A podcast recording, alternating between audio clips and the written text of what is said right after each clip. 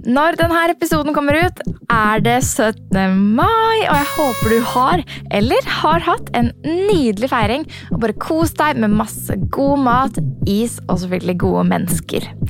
Denne uka vil jeg gi dere et kostholdstips der dere får slått to fluer i én smekk. Jeg vil tipse deg om å spise vannet ditt.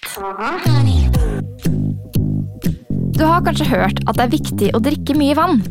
Det er det så absolutt, men dette vannet må ikke nødvendigvis komme fra springen. Det er anbefalt at voksne får i seg 2-2,5 liter vann om dagen. Og det er faktisk ganske mye, og ikke minst vil føre til ganske mange turer på do. Dersom du spiser mye mat derimot, som inneholder mye vann, vil vannet bli absorbert saktere samtidig som du får i deg masse nyttig næring. La oss ta vår kjære agurk som et eksempel. Den består av så mye vann at det nesten er latterlig. Altså 96% vann er en agurk.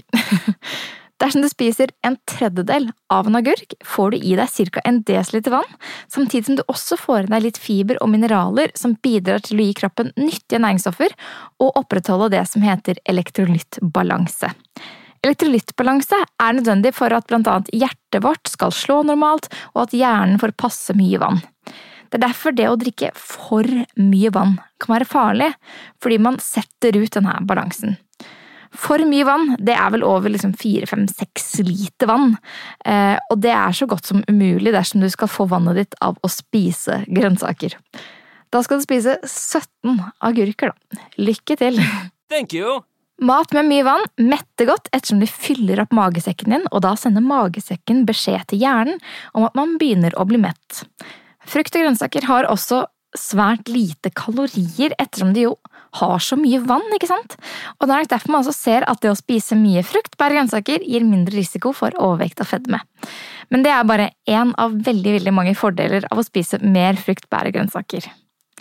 En slags topp 15-liste over mat med mest vann er agurk, alle salater, squash, kinakål, tomat, fennikel, blomkål, aubergine, rabarbra, paprika, asparges, løk, gulrot, vannmelon og friske urter. Spiser du mye av dette, så trenger du kanskje bare 1-1,5 liter vann utenom. For du bør også fylle på med noe vann ellers også, altså. Vann er det beste man kan slukke tørsten med. Dehydrering kan nemlig bidra til tap av energi, hodepine og gi dårligere prestasjonsevne. Og det vil vi jo ikke ha noe av. For å holde kroppene våre i optimal helse er det altså viktig å drikke vann for å holde oss hydrert. Det er viktig å få i oss nok vitaminer og næringsstoffer for å hjelpe kroppen vår å fungere skikkelig, og det er viktig å spise mat med fiber for å gi mat til tarmbakteriene. Da er det å spise vannet ditt en skikkelig vinn-vinn-situasjon. Jeg vet ikke med dere, men jeg ble skikkelig tørst nå. Så jeg skal gå og drikke litt vann og spise litt agurk. Vi høres med neste uke. Uh-huh. Honey.